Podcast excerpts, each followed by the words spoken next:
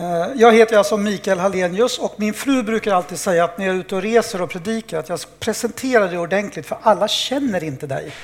Jag tänker att alla känner mig och det gör jag så fel. Så jag ska säga någonting bara om mig själv innan jag börjar dagens första undervisning. Jag kommer ju predika ikväll också, jag tänker att de där hör ihop. Men om jag ska säga några saker om mig själv då, så att ni inte sitter och bara undrar allihop. Nu kan man ju googla och söka på sociala medier, men man får ju inte all information. Så det jag vill säga först och främst är att jag är 52 år. Jag har tre stycken vuxna barn. Eh, så en bor här faktiskt i Stockholm, en bor i London och en har vi kvar i Örebro. Eh, de senaste 17 åren har jag och min fru Agneta varit pastorer i församlingen Mötesplatsen. Och innan det så grundade vi två församlingar innan. Först en i Malmö och sen grundade vi en i Borlänge. Så vi pratade om det här om dagen att jag och min fru vi har varit pastorer tillsammans i 30 år eh, och liksom gått in en, vår, en hösttermin med att starta med en församling. Så vi liksom har det i kroppen. så. Också då sådana här helger och alltså som gör sådana här uppstart, kick-off, vision. Det är också någonting vi har gjort mycket, så jag är jättetacksam för att jag får vara här. Ser fram emot att dela med er. Jag är också adoptivbarn. Eh, Adopterad från Colombia, kom till Sverige 1972. En del brukar undra det. Och jag kan inte spanska. Eh, det brukar alltid vara någon som flyger på mig och börjar snacka spanska och jag bara wow. Så. Väldigt lite spanska kan jag. Eh, jag kan också säga att jag håller på ÖSK, och det känns lite jobbigt just idag, för det är 100-årsjubileum för klubben. En stor match hemma mot Västerås. Min fru är där, eh, men jag är här. Jag är inte så bitter som man skulle kunna tänka att jag skulle kunna vara. Jag tror det kommer bli fantastisk eh, eftermiddag och kväll tillsammans. Och så kan jag säga att jag också jobbar som lärare på Akademi för ledarskap och teologi. Jag är pastor på halvtid och sen är jag lärare på Akademi för ledarskap och teologi halvtid. Så jag har haft William här som eh, student. Jag kommer ha en ny student här, kommer hit, visst precis där. Eh, och andra olika människor som man känner som har kommit, så har vi också haft i mötesplatsen folk från Sollentuna pingst. Greta Fält, eh, Malin Gugner, bara sådana saker. Eh, så det känns som det finns kopplingar här i rummet. Och jag tog med ett gäng, jag har skrivit en trilogi om tro. Det är tre stycken böcker som handlar om tro. För också när jag är ute och undervisar och predikar så är det så mycket jag inte hinner säga som jag vill säga, så jag tänkte jag skriver böcker istället. Det kan folk läsa sen. Så det här är ett projekt som jag hade under ett antal år där jag liksom försökte sammanfatta framförallt undervisning om tro. Vad är tro för någonting? Eh, och köper du det här bokpaketet, det ligger där ute ett gäng, så rekommenderar jag att du läser den här sista boken först. Därför i den så finns det en sammanfattning av de andra böckerna och vad hela grejen handlar om. Jag har alltså skrivit om tro, alltså tron som blick, att se den osynlige. Skrivit om tro som evangelisation, det här det överflödande hjärtat. Och sen apropå att jag är adoptivbarn så har jag skrivit den sista boken, det är om trons prövning. Det handlar ju om att jag som adoptivbarn när jag kom till Sverige, att min familj skilde sig ganska tidigt och min mamma då, adoptivmamma, inte brydde sig om mig, bara övergav mig. Och så har jag då en mamma i Colombia som också någonstans har lämnat mig. Så därför heter boken Ett dubbelt svek. Och det kan man ju fundera på vad det gör med en människas liv. Så jag skriver en hel del om det och hur tron har hjälpt i den brottningskampen. Så det finns där ute information om man vill köpa dem. Nu lägger jag dem där, hoppas att det inte blir självspelande. Så, där. Ja, så. så lite om mig själv. Det hade varit jättekul att sitta med er och bara fått prata och lära känna er mer, men vi skippar det, utan vi går direkt in i Guds ord istället. Jag tänker jag ska läsa för er från Filipperbrevets andra kapitel, vers 19 till och med kapitel 3, vers 1. Filipperbrevet kapitel 2, vers 19 till och med kapitel 3 och den första versen. Och bara kan säga det på en gång att vi kommer in nu i ett avsnitt som när man läser Guds ord och när man läser Paulus brev och tänker på församling idag så kanske inte det här första stället man går till. Och det är just därför vi ska vara där. Jag tror det finns väldigt mycket viktigt för oss att lära oss när det gäller församling, hur man bygger församling, eh, vad det innebär att vara tillsammans som medarbetare och medkämpar. Eh, så det här avsnittet är viktigt, men det är ett sånt där som man kanske kan hoppa över för att det inte vid första anblicken känns bam sådär. Det är kanske någon som känner så och då bara grattis. Men jag upptäckte det här faktiskt för några år sedan. Så nu läser vi Guds ord, Filipperbrevet kapitel 2, vers 19 till och med kapitel 3, vers, kapitel 3, vers 1. Herren Jesus ger mig hopp om att snart kunna skicka Timoteus till er så att jag kan få nyheter om er och vara vid gott mod även jag. Jag har ingen annan med samma förmåga att känna det rätta ansvaret för er alla tänker bara på sitt, ingen på Jesu Kristi sak. Men ni vet vad han har gett prov på. En, som en son hjälper sin far, så har han arbetat för evangeliet tillsammans med mig. Honom hoppas jag alltså kunna skicka så snart jag har sett hur det går för mig. I min tro på Herren litar jag på att snart också kunna komma själv. Jag har emellertid funnit det nödvändigt att skicka vår broder Epafroditos till er, min medarbetare och medkämpe som ni sände hit för att han skulle hjälpa mig med det jag behövde. Han har längtat efter er alla och har varit olycklig över att ni hörde att han blivit sjuk. Och sjuk var han verkligen, nära döden. Men Gud förbarmar sig över honom och inte bara över honom utan också över mig så att jag skulle slippa uppleva sorg på sorg. Därför är jag så mycket mer angelägen om att skicka honom för att ni ska få glädje att återse honom och jag själv får mina bekymmer lättade. Ta alltså emot honom i Herren med stor glädje. En man som han ska ni hedra. Det var i sitt arbete för Kristus som han var nära döden. Han satte sitt liv på spel för att ge mig den hjälp ni inte kunde ge. Alltså, mina bröder, gläd er i Herren. Att jag upprepar vad jag redan har sagt besvär mig inte och er ger det trygghet. Jag kan byta bild. Jag tänkte säga någonting först om det här avsnittets innehåll och sammanhang. För när vi läser ett bibeltext på det här sättet så är det bra att sätta in det i sitt sammanhang. Vad är det som pågår här? Och sen ska vi ta det till vår tid och till Sollentuna pingst 2023. Men själva sammanhanget, det här avsnittet, det handlar ju om resplaner. Paulus säger att han ska resa, han planerar att resa. Eh, det handlar om ledarskap. Han nämner eh, människor eh, som verkar vara viktiga. Det finns också en avsnitt, det står 2.32, det ska stå 2.22 där. I Filipperbrevet 2.22 så antyder Paulus det som egentligen är bakgrunden till det här. Han sitter i fängelse när han skriver. Han skriver i vers 22, men ni vet vad han har gett prov på som en medhjälpare. Så, nu ska vi se. Ja, inte 22. Nej, vers 23 är det, precis, 2.23, förlåt. Honom hoppas jag alltså kunna skicka så snart jag har sett hur det går för mig. Han visste inte utgången. Han satt i husarrest och visste inte om han skulle dömas till döden, om han skulle komma till Rom eller vad det var som skulle hända. Så det handlar alltså om hans resplaner, att han vill besöka församlingen i Filippi. Han sitter i husarrest. Eh, det handlar om ledarskap. Paulus lyfter fram två stycken personer som i den tidiga kyrkan uppenbarligen var väldigt viktiga när det gällde att bygga församling. Eh, och det handlar också om sjukdom och sorg. Det här är ganska naket och ärligt. Paulus säger att jag, håller, jag knäcker ihop om den här killen dör. Jag pallar inte mer. Vi ska komma tillbaka till det sen. Eh, och han säger att han själv är sjuk och folk är sjuka och det är allt möjligt. Det är inte alls bara roligt. Men det är också glädje, för han nämner glädjen och Filipperbrevet är ju verkligen glädjebrevet. Eh, men i vers 1 i kapitel 3 så säger han gläd er i Herren. Oavsett liksom, by the way, så glädjer det är alltid rätt att glädja sig i Herren. Så ramen för det här avsnittet som vi nu ska läsa, det handlar helt enkelt om att aposteln Paulus sitter i husarrest och vill besöka församlingen i Filippi. Men det har ännu inte hänt och för att då kolla läget med dem så planerar han att skicka Timoteus. Men eh, innan det så skickar han Epafroditos och den killen verkar nästan strukit med på resan. Han verkar ha dött på vägen dit. Och nu ska han skicka tillbaka honom med vändande mejl. Alltså det är liksom bakgrunden till det här avsnittet. Men det som är intressant med det här avsnittet är också dess placering i brevet. De här två personerna som vi ska titta närmare på, de är jätteviktiga. Men det här avsnittet, kapitel 2, vers 1 till och med, alltså kapitel 2, vers 19, förlåt, nu ska vi se det är ju insprängt mellan det som många säger är såna här höjdare i Nya Testamentet. Jag vet inte hur mycket du har läst det, men Filipperbrevet 2 och den första av tio verserna är ju helt fantastiska.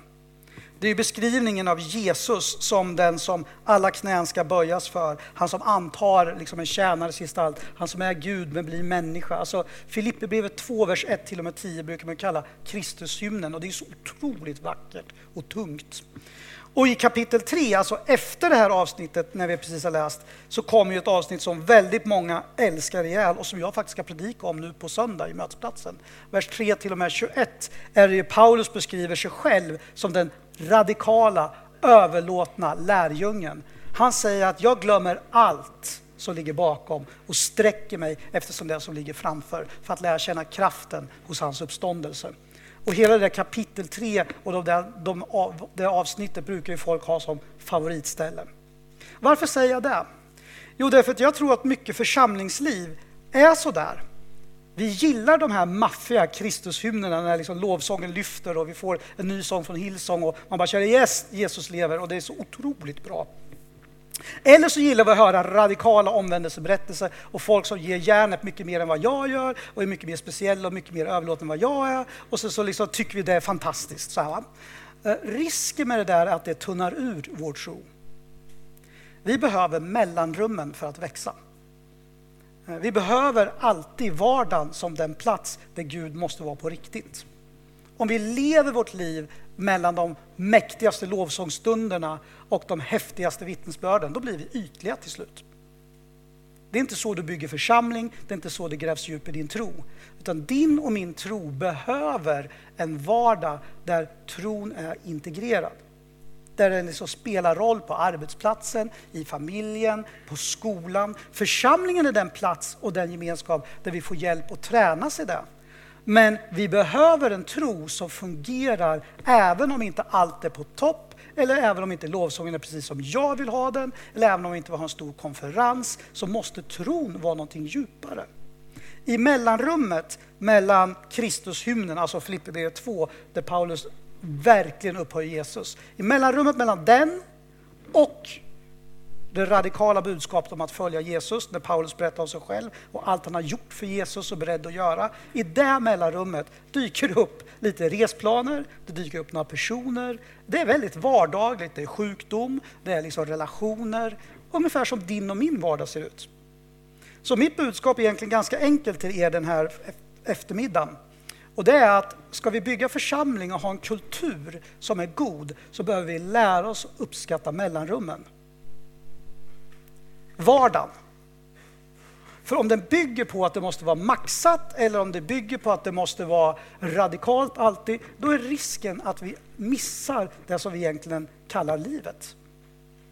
Vardagen, alla andra dagar blir en parentes. Och det är inte bra. Och jag menar, frestelsen är ju stor. Jag kan ju säga det, i församlingen Mötesplatsen där jag nu är pastor så har ju vi haft under åren något som heter Gloria, en stor julkonsert där det är fullt ös. Och jag ser ju som pastor i församlingen hur folk går igång på den. Alltså vi gör verkligen en fet julkonsert och det kommer massor med folk och vi når ut med evangeliet. Men det är ju inte Gloria varje vecka. Det är inte Gloria varje månad. Och efter vi har gjort Gloria en gång, då är folk helt slut. Och då sa pastor bara, vi gör en Gloria till. Det var sånt drag. Nej, det går inte för då, då, då bränner folk ut sig. Då kör vi slut på oss. Och då lever vi bara i den här bubblan. Så vår kristna tro behöver handla om mellanrummet mellan alla de här topparna och alla de här riktigt starka berättelserna. Så finns ett ganska vardagligt liv och det är där församlingen växer. Och det är det jag ska prata med er om den här eftermiddagen, vad det faktiskt betyder. Så vi kan byta bild. Det jag egentligen säger det är liksom att det inte är någon transportsträcka utan det är någonting viktigt som vi möter här. Eh, och vi ska börja med att gå direkt på den första personen, Timoteus. När Paulus skriver till församlingen till Filippe så har ju han en plan. Han vill skicka Timoteus till dem så han kan få nyheter om er och vara vid gott mod. Han vill veta liksom vad som pågår i församlingen och han vill att de ska få veta lite om honom. Och då vid den här tiden så skickar man någon, en budbärare. Och en budbärare då som man skickar kan man ju inte bara ta vem som helst ur högen, utan det behöver vara någon som i vers 20 som det står jag har ingen annan med samma förmåga att känna det rätta ansvaret för er. Och bara stanna där. Om man ska beskriva ledarskap idag i en församling, om du är ledare här eller kanske är på väg in i en ledaruppgift, så skulle jag säga att en av de absolut viktigaste är att kunna känna ansvar. Ibland tror vi att talanger och gåvor är det viktigaste, men det skulle inte jag säga att det är. Du kan ha spetskompetens, du kan ha talang, du kan vara duktig på någonting och det är bra och jag älskar när folk bara reser sig i sina gåvor och glänser i sin kapacitet. Jag tycker det är fantastiskt. Men jag byter inte det mot ansvarskänsla. För har man en djup ansvarskänsla, vilket Timoteus hade, det är då man får de här förtroendena som Paulus ger honom. Han är på väg att skicka honom, den som har rätt ansvarskänsla. Det finns ingen, säger Paulus, som kan känna så för er som han. Eh, och det betyder ju att Timoteus var inställd på eh, det här med att vi har ett jobb att göra. Och det betyder alltid församlingsliv. Vi har en gemensam uppgift tillsammans. Och Timoteus använder Paulus som ett uttryck för det. Han har det rätta ansvaret för er. Han känner för de här kristna. Och ledare behöver alltid ha en god ansvarskänsla för en församling. Med andra ord, man tittar inte på alla andra och tänker undrar hur det går för den där församlingen, utan det är min församling. Och i en god församling så känner väldigt många människor den här gemensamma överlåtelsen till de gemensamma uppgifterna. Och det här vet vi alla om i en frikyrka i Sverige 2023. Så vilka ska leda söndagsskolan? Vilka ska liksom fixa maten på församlingshelger? Hur ska vi få... Ja, ni vet, det är, det, vi, vi bara badar ju det där. Och jag tror att en, det är ganska befriande när man ändå hör att samtidigt som man bara vill dra in folk i saker så finns det någonting som är väldigt viktigt. Att man letar efter de som känner ansvar. Och vad är det att ha ansvar? Det är att svara an. Alltså att församlingen väcker något i mig. Är ni med på ordet ansvar? Det betyder att man svarar an. Man kan ju gå förbi en grupp människor och vara helt likgiltig och säga det var mötesplatsen, skiter vi jag i. Eller också går man förbi mötesplatsen och bara, oj, det här är min grupp, det här är min flock, det här är mitt gäng, här vill jag bidra. Då svarar man an. Och så är det med Sollentuna pingst också. Så ansvar i Guds rike är en hårdvaluta när det gäller att bygga församling. Ansvar i Guds rike är en hårdvaluta när det gäller att bygga församling. Att ha människor med spetskompetens och extrema gåvor är ju fantastiskt, men det är inte det som funkar i mellanrummet nödvändigtvis. Utan i mellanrummet, vardagen, vecka efter vecka, månad efter månad, så kommer det att handla om de som svarar an. De som är beredda att ge något. Därför att de känner att det här är min gemenskap. Eller som Paulus då säger, jag har ett budskap till er i Filippi och jag tittar mig omkring och jag funderar på vem ska jag skicka det här med? Jag måste ta någon som har djup, stor, stark ansvarskänsla. Det blir Timoteus. Han har hög ansvarskänsla, för han fattar att det här är ett jobb som han måste göra och som innefattar hans egen överlåtelse. Men man kan ju ibland fastna i en församling i att vi blir som liksom att vi jobbar bara ihop. Att vi ska rodda församling, att vi ska vara församling och ta i tillsammans. Att alla går i blåställ, att alla bara tar liksom extra mycket tid och vräker in. Och jag tror att det finns en fara där. Eh, under en period i mötesplatsen när vi hade väldigt många grejer som vi behövde göra, då pratade jag och Agneta, som också då pastor i församlingen, vi pratade med våra viktigare ledare som gjorde grejer, att det finns en grön lampa, sen finns det en gul lampa och så finns det en röd lampa. Och det betyder att om du som ledare har mer än tre uppgifter, om du är mer än tre områden, då lyser det rött på dig där du borde plocka bort något. Har du två uppgifter, en uppgift, absolut gul. Och har du en, då är det grönt, kör. Men det är väldigt lätt i en församling att de som gör redan mycket bara gör ännu mer och till slut går det inte. Känner ni igen det? Ja, bra. Då är vi med i typ av samma frikyrkorörelse. Eh, det är jättevanligt. Och det som händer då är ju att man får ett liksom arbetslagsförhållande till sig. Man är medarbetare med hög ansvarskänsla, men det är inte allt.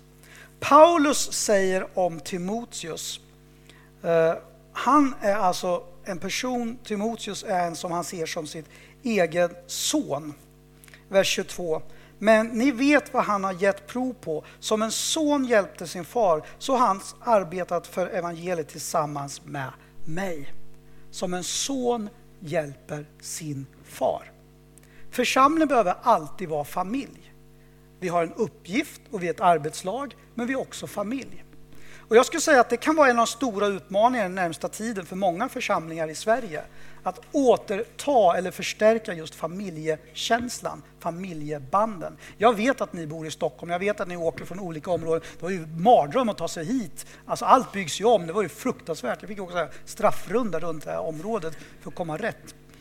Men ni har ju lärt er att hitta hit i alla fall till den här lokalen, men det betyder inte att ni är nära varandra i relationer, eller hur? Utan att odla familjekänsla handlar också om att välja att ha relationer som är mer vardagliga och avslappnade. Eh, och I mötesplatser så säger vi att lösningen på det är ju husförsamlingar, smågrupper, cellgrupp, det finns olika namn. Men vi har ju alltid eh, en grupp som träffas i veckan där alla ska vara med. Vi har det som obligatorium. Du är med i mötesplatsen, då är du med i en husförsamling. Du kan inte vara med i vår församling utan att vara i en liten grupp. Man kan lösa det på olika sätt och jag vet att det går att fundera på fördelar och nackdelar. Men poängen är att du får en grupp där du kan ha familjerelation som är kristen. Och det är viktigt, därför det är där det också finns möjlighet att skapa och forma de här relationerna som blir den här över generationer, som blir också mer av far, son, dotter, mor, syskon. Alltså att det blir på riktigt i vardagen. Och jag ska inte dra alla exempel och alla stories, men tro mig när jag säger att i vår församling Mötesplatsen som vi nu så har vi haft runt 20 husförsamlingar under en ganska lång tid. Och i de här husförsamlingarna under vardagen, i mellanrummet, mellan Gloria och någon fantastisk gudstjänst så har man gått tillsammans med varandra och hjälpt varandra. Faktum är att jag kan dra en då story, för jag är ändå precis kom igång här. Så var jag faktiskt förra veckan på en, eh, vid en gravsten där en femårig, en pojke som skulle ha fyllt fem år, vi firade hans födelsedag. Eh, han dog eh, för fem år sedan, bara fem dagar gammal och hans föräldrar vi följde dem. Vi var där på sjukhuset, jag och Agneta som pastorer och hela mötesplatsen var ju liksom mobiliserad när det gällde mat, omsorg, allting. Så fortfarande berättar ju en, en, läkare som var med på den begravningen, som också är kristen, att människor på vår avdelning pratar om det där barnet, kommer ni ihåg det? Där alla var där och det fanns jättemycket mat och de sjöng och det var som frid fast han höll på att dö. Ingen fattade någonting. Det var kyrkan. Det var en familj som kom. Det var inte att vi hade arbetskläder och nu måste vi skärpa oss och ta ansvar här. Utan det var liksom hjärtat. Det var systrar, möder, fäder, bröder som var tillsammans i dödsskuggans dal. Det blir ett sånt fantastiskt vittnesbörd. Och jag tror att lösningen på det där är ju helt enkelt att man faktiskt ser att man också angår varandra som familj. Och det hjälper ju oss. Paulus säger det att jag ser på Timoteus som en son och han har hjälpt mig som en son hjälper sin far. Alltså att prata om våra relationer på det här viset är sunt för oss. Därför i Sverige, inte minst i Sverige, så lever vi ju med en brist på den här typen av familjetraditioner och starka liksom, band. Utan vi är ett jätteindividualistiskt samhälle där man liksom i grunden ska klara sig själv och man bryter med det mesta av familjestrukturerna för att göra karriär, flytta någonstans, utbilda sig. Man behöver inte gifta sig som man har gift sig i släkten och så här. Va? Eh, vi är superindividualistiska. Och det betyder ju att det är svårt ibland att få tag i det här. Hur ska vi göra då i en församling när vi ska odla familj och bli det här far och son som Paulus och Timoteus var? Och då är ju ett exempel är ju en sån här liten grupp i vardagen. Ett annat sätt och det är precis det som uppstod för er nu. Jag hade det som exempel när jag hade skrivit upp det här. Eh, I mötesplatsen har vi någonting som när vi har församlingshelger eller vi gör så gemensamma dagar, då har vi alltid det vi kallar flufftid. Det betyder tid där man inte gör något som är uppstyrt. Och ni fick ju lite ofrivillig flufftid idag eh, för att eh, ni skulle vara någonstans och sen så blev det... Och då kan man naturligtvis styra upp vissa aktiviteter, men det finns också tid att bara umgås. Det är att vara familj också. En familj är inte bara en som roddar julmiddagen. Man sitter ju också och pratar med varandra och umgås. Och det där växer ju då fram den här typen av relationer som Paulus faktiskt har med Timoteus. Han säger att Timoteus är som en son för mig. Och det där motivet tror jag är viktigt när vi bygger församling, att vi inte glömmer bort. Vi, ett, vi har en upp, uppgift, därför behövs ansvar. Men vi är också bröder och systrar, vi är fäder och mödrar, också till varandra som inte är biologiskt släkt. Och det betyder jättemycket när det får komma till uttryck. Så eh, just nu här i somras såg jag på Instagram att en tjej i vår församling var i Finland hos en av våra 70-åringar, för hon vill bli kompis med den här 70-åringen. Hon själv är 22, ung student, kommer till vår församling och blir förälskad i den här mormorstypen som är 70 år och sommarstuga i Finland. Så hon tog en kompis och drog till Finland för att hänga med den här. Vad är det? Det är församling som familj. Och vi behöver det och behöver se hur vi kan ge utrymme för det. För när Paulus vänder sig om och tittar runt liksom, sig i det här husarresten som han är, så funderar han på vem ska jag skicka? Eh, ja, det är någon med mycket ansvar, men han skickar också någon som är honom nära. Och de där hänger ihop. Men vi ser också när Paulus talar om Timoteus i de här andetagen, när han liksom skriver om vem Timoteus är, så säger han så här. I min tro på Herren litar jag på att snart också kunna komma själv. I min tro på Herren litar jag på att snart kunna komma själv.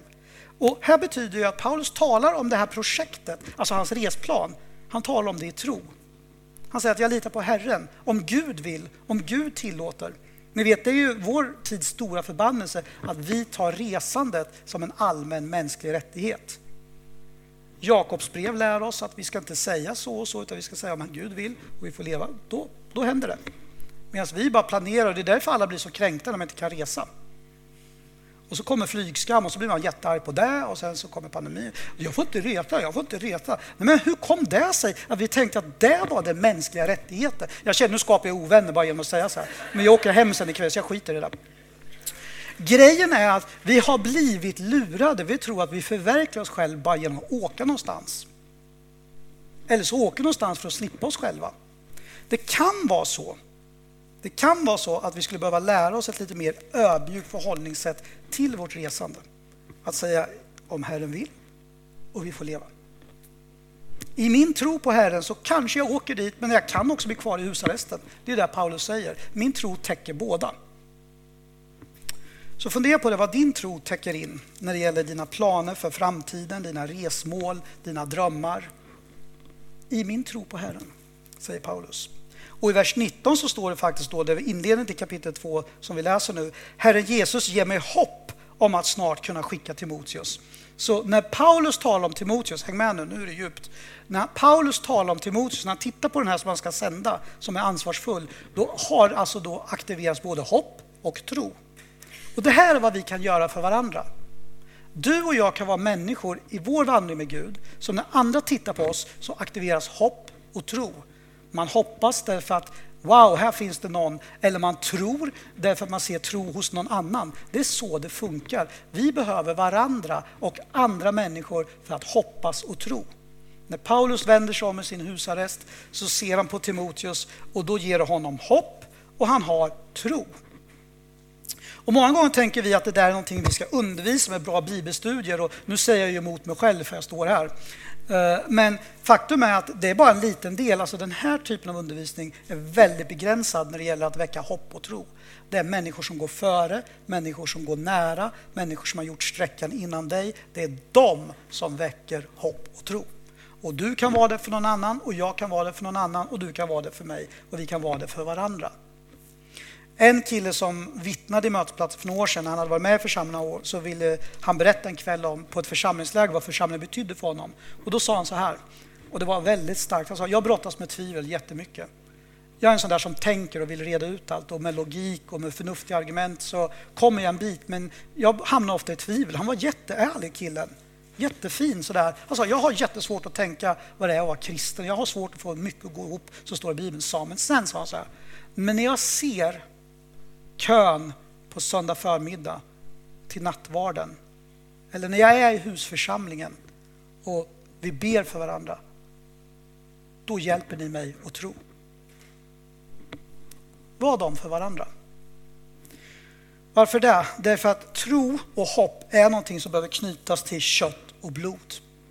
Och det här kött och blod, amen, och det här köttet och blodet, vart hör det hemma? I mellanrummet, i vardagen. Inte med alla stora, liksom, fräna, häftiga event, utan när vi lär oss att leva trons liv tillsammans. Det gräver djup och det gör någonting med oss. Och när Paulus talar om Timoteus så bubblar det här upp hos honom. Det är en person med hög ansvarskänsla, någonting som jag tror är jätteviktigt när vi bygger församling. Men det är också en person som är som en familjemedlem för honom. Det här är min son. Också någonting som är jätteviktigt när vi bygger församling. Och när Paulus tittar på Timoteus så väcker det hopp och tro och han har resplaner. Men allt det där är underordnat tron och hoppet. Tron som man har i Gud, hoppet som man kommer från Jesus. Känn, det är ju bra grejer här. Det här är... och nu ska vi fortsätta. Vi tar den andra personen, Epafroditos, så vi kan byta bild. Det här är den andra personen som Paulus nämner. Han nämner ju två när han skriver till församlingen i Filippi om sina resplaner. Och I vers 25 så säger han så här. Jag har emellertid funnit det nödvändigt att skicka vår broder Froditus till er, min medarbetare och medkämpe, som ni sände hit för att han skulle hjälpa mig med det jag behövde. Alltså det här är en kille som är ute och reser, så han är ju drömmen för många av er. Han får resa så mycket för Jesus. Så här, ja, det vill jag också göra. Så här. Ja, det var bara det att han håller på att dö och det vill man ju inte. Så, men han hade alltså åkt liksom fram och tillbaka och dragit på sig grejer. Men det intressanta, det Paulus säger om den här personen är att han är eh, min medarbetare och min medkämpe. Smaka på de orden. Vad är vi i en församling? Vad är vi tillsammans för varandra? Jo, vi är medarbetare, kom ihåg det här med ansvar och ansvarskänslan. Men vi är också medkämpar. Vi står där sida vid sida. Och faktum är att i det här brevet på lite olika ställen så verkar det som att Paulus antyder ganska starka kopplingar till den romerska stadsstaten. Jag ska inte gå in på det, men det finns en politisk bakgrund till liksom brevet, liksom dels placeringen i regionen, under vilken tid Paulus skriver och han är ju husarrest. Så han sitter ju där med en romersk soldat. Och en av de saker de romerska soldaterna hade som specialitet under den här tiden var att armén, när de kom under attack, om de var en grupp romerska soldater, då tog de sina sköldar, ni vet ju, så satte man ihop det så det blev som en sköldpadda. Testudo kallade man det. Eh, och om folk började kasta pilar eller spjut på dem, då gick de ihop tillsammans och så tog de de här sköldarna och så satte de dem så det blev som en sköldpadda. Och den där typen av skydd antyder ju det här att det faktiskt är en kamp. En medkämpe, din trons sköld och min trons sköld kan utgöra den här sköldpaddan. Som den där killen i mötesplatsen som sa, när jag ser de här lovsjungarna, när jag är med i den här lilla gruppen och folk ber för varandra, då hjälper det min tro. Vi kan vara dem för varandra. Och det Paulus säger att eh, Ephroditos, han är verkligen en person som är medarbetare, han har ansvaret precis som Timoteus. Han är en medkämpa, han har utkämpat slag, han har rest fram och tillbaks för evangeliet. Jag är trygg med honom därför jag vet att det här är viktigt för honom. Det som är viktigt för mig är viktigt för honom. Sen så säger Paulus om den här personen då att det här är en som då har fått sjukdom Eh, och det är lite roligt om man tittar noga här, för det står i vers 26. Han har längtat efter er alla och varit olycklig över att ni hörde att han hade blivit sjuk. Alltså han tänker att de kommer ju oroa sig i onödan. Alltså det är, ingen, det är ingen fara med mig. Och det verkar ju som att det är fara med honom. Men han verkar ju vara en sån där, känner ni igen den här typen? Nej, men det är ingen fara. Det är ingen fara med mig. Så här. Han verkar ju vara en sån. Paulus säger han håller på att stryka med. Eh, och jag känner ju folk som är så här, de har så här brinnande hjärnspett genom huvudet. Nej, det går över, ska jag se. Jag tar magnecyl och lägger mig lite tidigare ikväll. Så här. Man, ja, ja, nej. Han säger, Paulus om honom, att han har längtat efter er alla och varit olycklig över att han har blivit sjuk. Och sjuk var han, vers 27, verkligen nära döden. Men Gud förbarmar sig över honom och inte bara över honom utan också över mig så jag skulle slippa uppleva, nu kommer det, sorg på sorg. Här är aposteln Paulus otroligt ärlig. Han säger egentligen rakt ut, och nu får ni ursäkta mig, han säger mitt liv suger. Jag har upplevt sorg på sorg. Det är inte lätt för honom alls. Han var antagligen själv sjuk, han var i fängelse, han hade alla församlingar som han hade grundat och funderat på hur går det för dem. Han hade människor som hade lämnat tron, som hade stått tillsammans med honom som medarbetare, medkämpare som hade vänt sig emot honom. Det var inte lätt för Paulus. Sorg på sorg. Och den här då sjukdomen som fanns i Epirosis, det var ju ytterligare en grej som man bara inte orkade. Här går min gräns. Och jag tror det är sunt. Alla vi behöver fundera på vart går vår gräns? Och det fantastiska är när vi får uppleva hur Gud griper in och förbarmar sig. Jag tycker det är ett av de vackraste orden. Herre, förbarma dig. Kyrie eleison, alltså Gud förbarma dig. Alltså den bönen ber man inte utifrån, nu Gud ställ upp och gör din grej, för jag har jobbat så mycket i den här församlingen de här åren, jag har liksom lett söndagsskola, nu får du göra någonting. Jag sitter i själavårdssamtal med kristna som har varit kristna kanske 30-40 år som tänker så. Jag har gjort allt det här och så blir min man sjuk nu. Ja, vad då? Alltså hur tänkte du nu? Alltså, man säger ju inte så. Utan det är ju en själavårdsfråga, eller hur? Ni är med mig på det va? Mm. Men i grunden så är det ju ett problem. Därför gudsbilden säger att om jag prickar in så här mycket tid i en lokal frikyrka, då får jag ut så här mycket bönesvar. Om vi kunde säga till varandra, Herre förbarma dig, Gud förbarma dig, så skulle mycket vara vunnet. Därför Gud förbarmar sig över oss, och inte bara över oss utan också över andra så att vi faktiskt slipper sorg på sorg. Om och om igen har man fått möta det. Men man möter ju också församlingar och enskilda kristna som man undrar hur mycket tål en person? Hur mycket ska en person få drabbas av? Det har jag gjort. Vi har sådana församlingar som man tänker, behoven är ju oändliga. Jag fattar inte hur en familj och en person, en gatstump kan få all den här skiten. Och vad är vår respons då? Herre, förbarma dig. Kyrei eleison. Herre, förbarma dig. Man vänder sig till Gud, inte utifrån en position av triumf och tvärsäkerhet, utan utifrån en djup, djup, djup längtan efter att se Gud gripa in. Och också ärligt säga, jag tål inte hur mycket som helst. Och jag har haft några sådana stunder i mitt liv som pastor.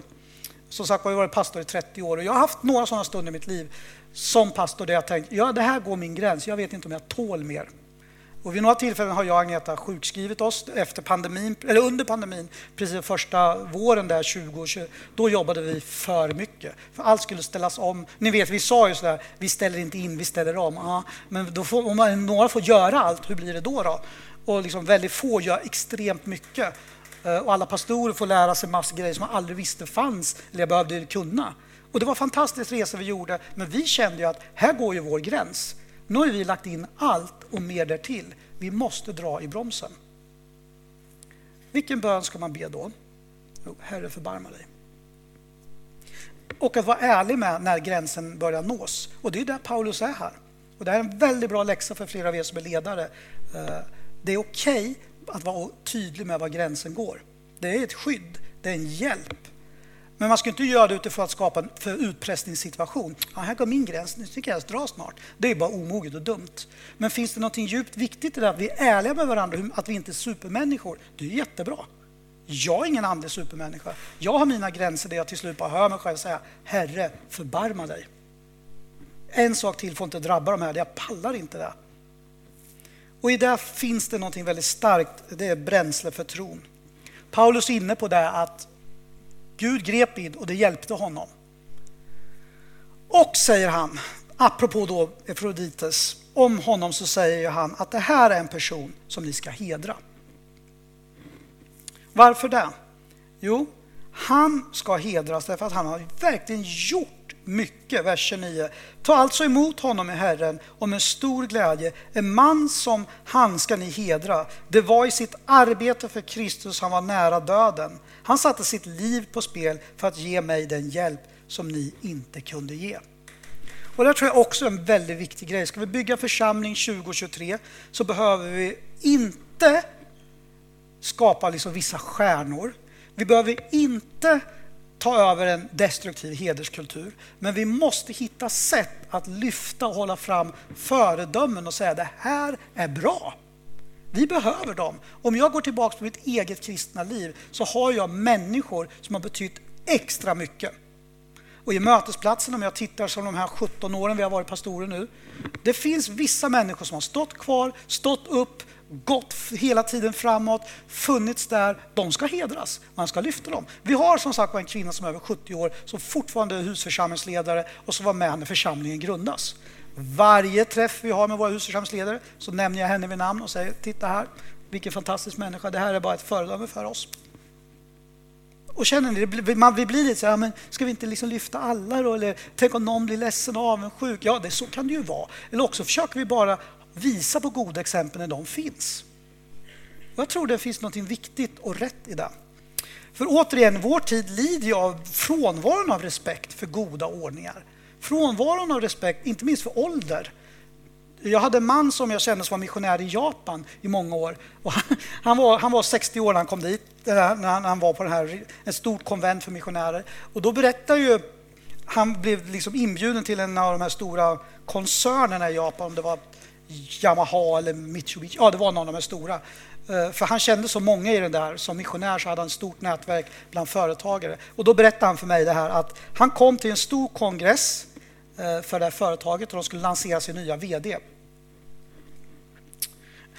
Och då står de där framme hela styrelsen och gråter så här som de gör. Alltså liksom, det här lite asiatiskt. De står som en och gråter. De är, helt, de är helt krossade, de är helt förstörda. För nu ska de lansera sin nya VD. Och, de, och det är liksom, de vet att det här inte är bra. De vet att de har gjort fel. De vet att det kommer... Så, alltså, så de håller på och han sitter och tänker, undrar vad som kommer hända nu? Och då visar det sig att den här snubben de som ska bli, han är bara 50 år. Men det, han kommer att bli äldre. Han kommer, hör, hör ni? Liksom, det blir så här, wow. Och jag skulle säga att en av de viktigaste saker vi kan göra i Sverige idag är att hedra våra äldre. Alltså på riktigt.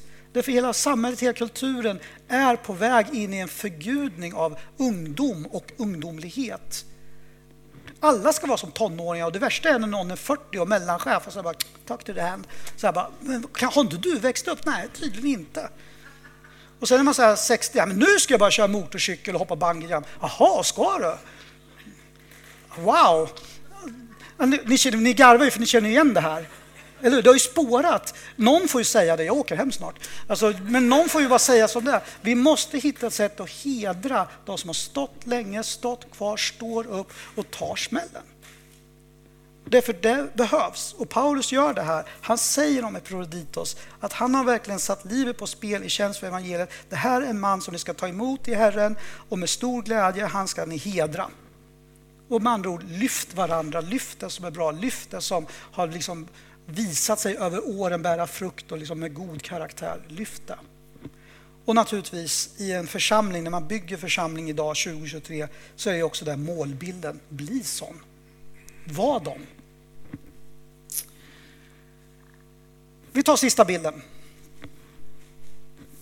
Jag tänker lite bara som bara gå in för så här enkel sammanfattning. Det första jag vill säga med hjälp av det här bibelordet, vers 19 i kapitel 2 i Filipperbrevet till kapitel 3, vers 1. Det första är ju det här att det inte finns några transportsträckor i Guds ord. Alltså det vill säga att inkläm mellan kapitel 2 mäktiga Kristushymnen, bara världens drag i lovsången, inklämt med kapitel 3, radikal lärjungaskap, häftiga vittnesbörd. Finns det här avsnittet där det poppar upp lite resplaner, sjukdom, lite olika personer, eh, förtvivlan. Det är ganska alldaglig på ett sätt och liknar vårt liv. Och det är för att det är en påminnelse om oss. Att alla avsnitt i Guds ord kan på ena eller andra sättet tala rakt in i vår tid och vårt liv. Och vi behöver det. Vi behöver tro att mellanrummet spelar roll. Vi behöver tro att vardagen är viktig. Att när jag går till skolan när jag är kristen, när jag är på min arbetsplats följer jag Jesus. När jag är i familjen så spelar Bibeln fortfarande roll. För annars så får vi en bubbla där vi tänker att när vi är i den här lokalen eller på vissa konferenser, då är tron aktiverad. Och det är ju inte sant helt enkelt. Tron är till för mellanrummen. Så det är det första. Det andra som jag vill bara säga det är ju att i Guds ord så knyts ju glädjen i tron till nära relationer. Alltså vi är alla samtidigt medarbetare, medkämpare och familj. Och det är något fantastiskt vackert. Tänk att få vara det här tillsammans. Vi är alla samtidigt medarbetare, medkämpare och familj återigen, jag kan verkligen känna den här glädjen, till exempel som jag nämnde Gloria, när alla jobbar ihop. Alla är där och alla är committed. Alltså vi gör mer än vad som är rimligt under en viss tid. Alla bara vräker in sin kraft och sina resurser och jag älskar ju det. För då, då är det ju verkligen ett arbetslag. Alla bara, det är silvertejp överallt kan jag säga. Eh, och några bakar som man kan äta däremellan och alla, ja så här. Fantastiskt. Men det är inte bara det som är församling, vi är också familj. För om det bara är det här första så kommer vi tappa någonting, nämligen att de här nära relationerna. Och medkämpar behöver vi vara för vi lever i en värld full av otro. Djävulen strider mot kyrkan för att förgöra den. Vi behöver fatta att det finns en andlig kamp och att vi står i ett slag. Och därför behöver vi se på varandra och prata också om vårt kristna liv i mer militaristiska termer. Vi är medkämpar, vi är soldater för Kristus. Eh, och det är viktigt att ha kvar det här perspektivet, att det finns ett slag att utkämpa i en värld som har vänt Gud ryggen. Så de som predikar evangeliet, delar Guds budskap, kommer att på ena eller annat sätt möta på motstånd. Men vi vet det, för vi är medkämpar. Vi är medarbetare och vi är familj. Och då kan vi göra det tillsammans. Och sen i Guds ord så är förmågan att känna ansvar för att vara hängiven sin uppgift viktiga ledaregenskaper. Och detta bygger en god kultur och människor som lever så förtjänar vår respekt. Och jag har ju sagt det några gånger därför att jag märker ju att det är väldigt vanligt också när man pratar ledarskap. Det här att om jag är med i en frikyrka eller gör en ledaruppgift så kanske man tänker det här ska jag göra för att slipa mitt potential, maximera min gåva. Mm. Det kan också vara så att du behöver bara betjäna din familj. Det är väldigt få som har gåvan att tvätta toaletterna. Det är jättefå, jag har nästan inte träffat någon. Men däremot så har man andra balla gåvor. De flesta har jättesköna gåvor. Så här, liksom, det här är min specialitet. Bara, absolut. Och så kommer någon så här, och min specialitet det är toaletten. Nej, det händer inte. Varför det? Det är för att vi är själviska. Eh, det är för att ibland så blir det här med gåvoidentitet starkare än församlingstillhörighet. Var får min gåva plats? Jag har ingen aning, jag skiter egentligen Jag vill bara se att liksom du växer i din tro och sen kan vi se vad som händer med din gåva. Så vill jag säga ibland som pastor, men det gör jag inte för det blir ju dumt. Men min poäng är väl ganska enkel, att när vi tänker församling och bygga församling och det är utifrån Guds ord vi gör det, så kommer det faktiskt att handla om att känna ansvar för och visa hängivenhet inför sina uppgifter. Det är någonting viktigt. Det är där man letar efter. Och det bygger en god kultur. Och människor som lever så, de förtjänar vår respekt. Och att bli sådana människor är ett mål för oss alla. För Paulus, när han skriver till, till, till församlingen i Filippe, så är han ute efter att visa dem exempel på det här goda som man ser församlingen är. Och då lyfter han fram två personer. Och min bön är ju att när någon pratar om Sollentuna pingst om 30 år så ska ditt namn vara en av dem som man lyfter fram. Därför att det här präglar. Och jag kan ju säga nu då ärligt Eh, att jag, kan, jag har goda liksom, erfarenheter av Sollentuna pingst som pastor i Örebro, Greta och Malin. Jag har ju det. Det är fantastiskt.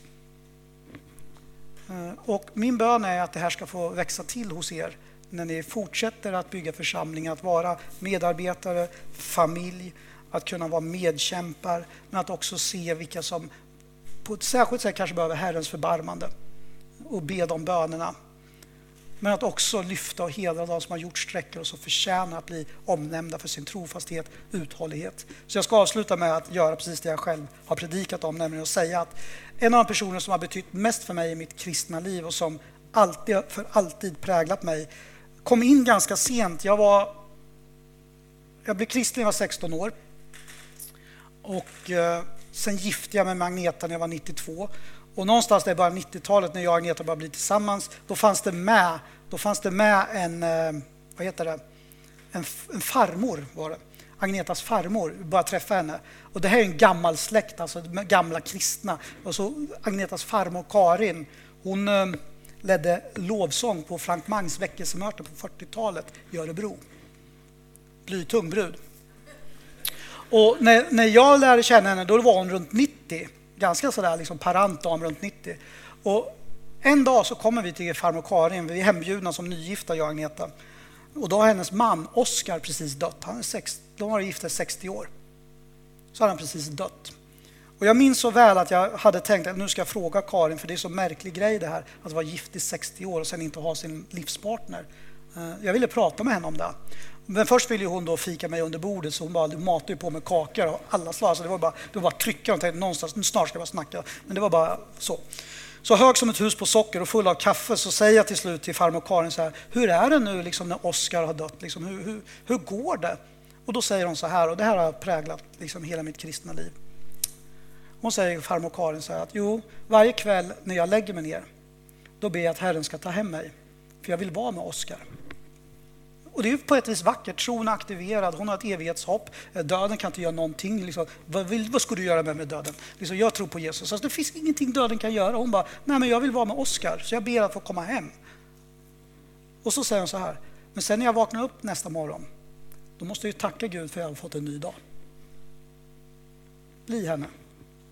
Det är mitt mål.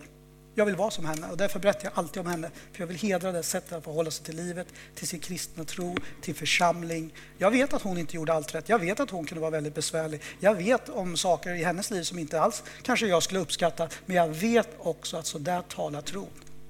Varje kväll jag lägger mig så ber jag att få komma hem till Jesus. Men får jag en ny dag, då måste jag tacka Herren för det.